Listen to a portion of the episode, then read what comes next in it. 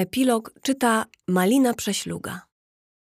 Bo dlaczego mieliby tkwić w miejscu, skoro świat ma tyle do pokazania? Ładne, Ocenił Arbus. bardzo ładne zdanie na koniec książki.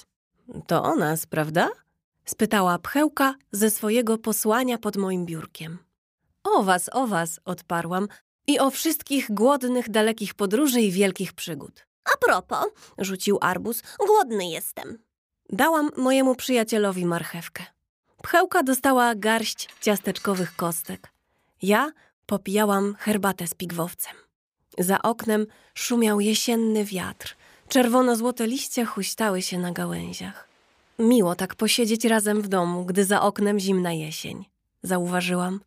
Ta, miło. Mruknęła pchełka i podrapała się za uchem. Dawno tego nie robiliśmy, dodałam. Arbus wdrapał się z moich kolan na blat biurka.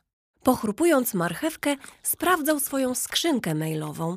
E, Od czasów płomiennej korespondencji z Pelagią miał własne konto. A wiecie, czego jeszcze nie robiliśmy? Spytał lekko. Czego? Pchełka otworzyła leniwie jedno oko. Jeszcze nie lecieliśmy na gapę samolotem.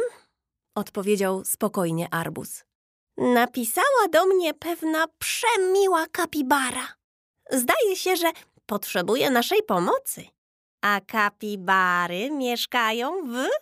Ameryce Południowej dokończyła machając ogonem pchełka. Nie minął kwadrans, a moi przyjaciele stali w drzwiach gotowi do drogi. O nie, kochani, powiedziałam zdecydowanym tonem. Nigdzie nie idziecie beze mnie. Co jak co, ale samolotem was na gapę nie puszczę. I tak, ni stąd, ni zowąd, jesteśmy w podróży do Gujany. Bo dlaczego mielibyśmy tkwić w miejscu, skoro świat ma tyle do pokazania?